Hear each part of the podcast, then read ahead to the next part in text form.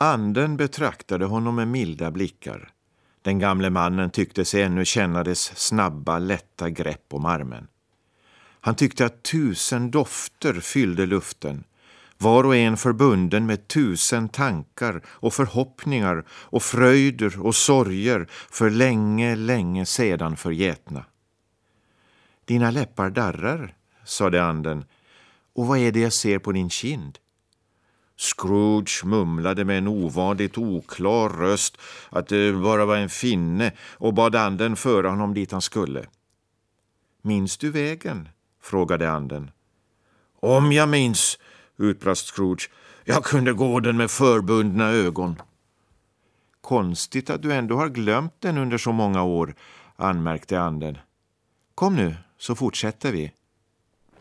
De gick vägen fram. Scrooge kände igen varje grind och vägvisare och träd. Slutligen syntes en liten köping med bro, kyrka och en slingrande å. Några raggiga ponnyer kom travande mot dem med ridande pojkar på ryggen. Pojkarna ropade åt andra pojkar i bondkärror. Alla var vid bästa humör och skrek och hojtade tills hela det stora fältet var fyllt av glad musik och själva den friska luften tycktes instämma i skrattet. Det där är bara skuggor av sådant som har varit, sade anden. Det har inget medvetande om att vi är här.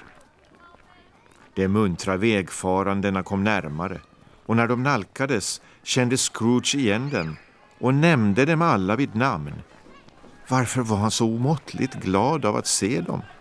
Varför glänste hans kalla ögon och varför klappade hans hjärta när de färdades förbi? Varför fröjdades han över att höra dem önska varandra god jul när de skildes i vägskälen för att skynda var och en hem till sitt? Vad frågade Scrooge efter god jul? Åt skogen med den goda julen. Vad nytta hade den någonsin gjort honom? Skolan är ännu inte riktigt tom, sade anden.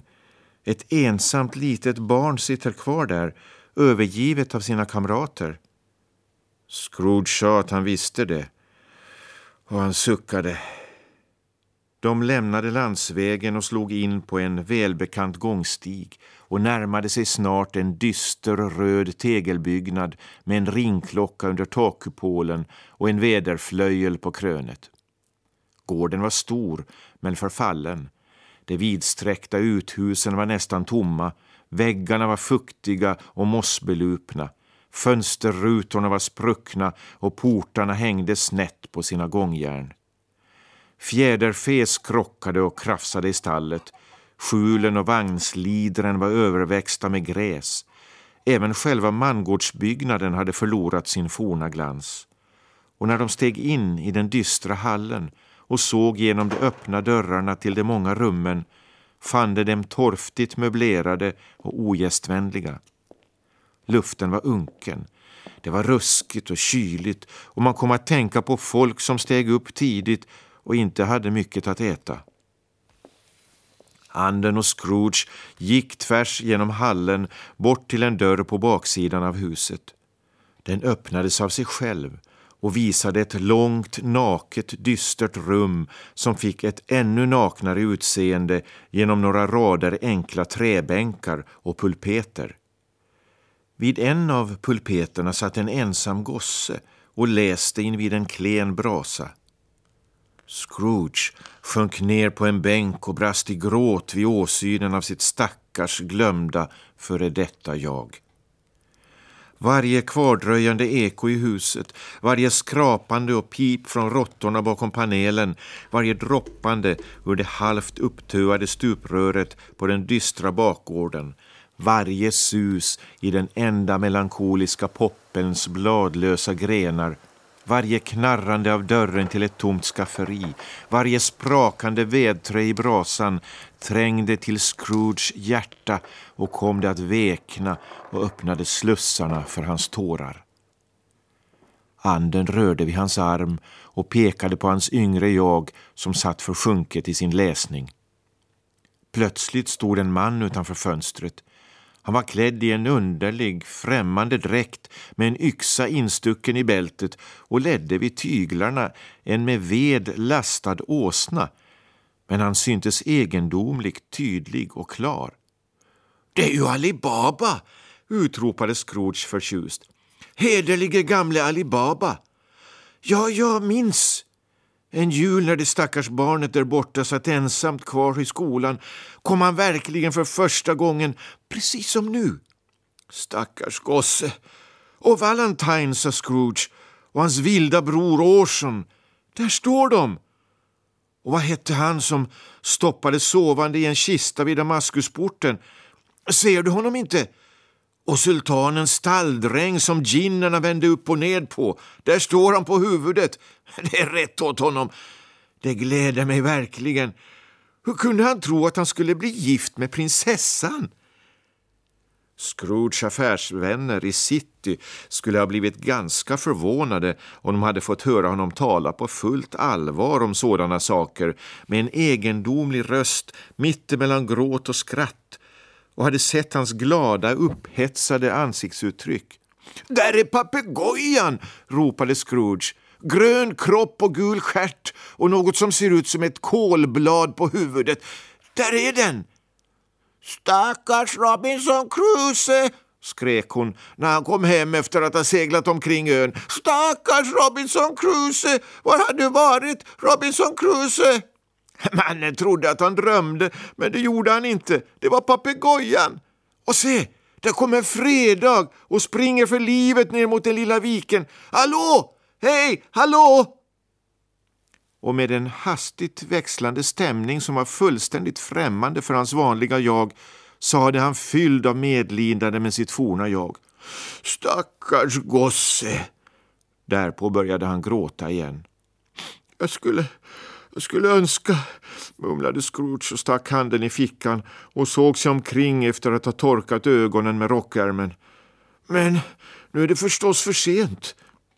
Vad då? frågade anden. Ingenting, sa Scrooge. I ingenting. Det var bara en gosse som sjöng med en julsång utanför min dörr igår kväll. Jag önskar att jag hade givit honom något. Det var bara det. Anden log tankfullt, viftade med handen och sa Nu ska vi se på en annan jul. Scrooge forna jag växte vid dessa ord och rummet blev mörkare och smutsigare. Väggarna bågnade, fönstren sprack, gipsflagor föll ner från taket så att de nakna bredarna blottades. Men hur allt detta gick till visste Scrooge lika lite som ni. Han visste bara att det var alldeles riktigt, att allting hade tilldragit sig just så, att han återigen satt där ensam medan alla de andra pojkarna hade rest hem för att fira jul. Han läste inte längre utan gick förtvivlat fram och tillbaka på golvet. Scrooge tittade på anden, skakade dystert på huvudet och kastade en ängslig blick mot dörren. Den öppnades. En liten flicka, mycket mindre än gossen, kom instörtande, slog armarna om halsen på honom och kysste honom gång på gång under utropet ”Käre, käre bror!” Jag kommer för att hämta dig, käre bror, sa barnet och klappade sina små händer och skrattade så att hon höll på att kikna. Hem, hem, hem! Hem, Fanny lilla? frågade gossen. Ja, svarade barnet utom sig av glädje. Hem en gång för alla, hem för alltid.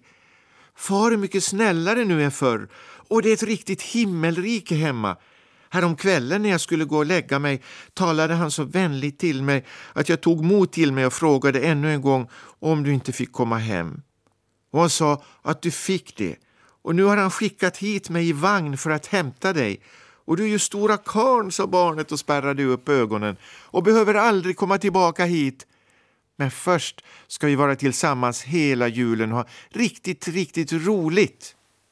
Och du är ju stora damen, lilla Fanny, utbrast gossen.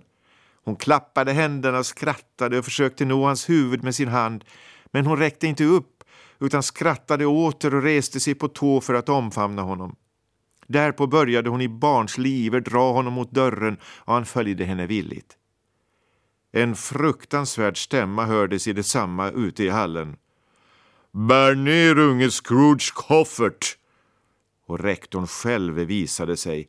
Han betraktade unge Scrooge med en blandning av ilska och nedlåtande vänlighet och skrämde honom nästan från vettet genom att räcka honom handen. Därpå förde han honom och hans syster in i den ruskigaste och kusligaste sal som någonsin har funnits. Kartorna på väggen och jord och himmelsgloberna i fönstren var dävna av köld. Han tog fram en karaff med ett underligt lätt vin och en stor bit av en underlig tung kaka och delade ut smakbitar av dessa läckerheter åt ungdomarna. Samtidigt skickade han ut den magra tjänsteflickan till postiljonen för att bjuda honom på ett glas. Men denne tackade och sade att om det var samma sort som sist så ville han helst slippa. Under tiden hade unge Scrooges koffert surrats fast uppe på vagnen. Barnen tog ett ingalunda ovilligt farväl av rektorn och steg upp i vagnen som rullade muntert iväg nedåt trädgårdsgången så att snön yrde då den sveptes undan av de snabba hjulen från murgrönans mörka löv. Det var en ömtålig varelse. Hon kunde blåsas ut som ett ljus, sa anden. Men hon hade ett ömt hjärta. Ja, det hade hon, suckade Scrooge. Du har rätt, ande. Gud förbjude att jag skulle säga emot dig. Hon var gift när hon dog, sade anden, och hade visst barn också. Ett barn, svarade Scrooge.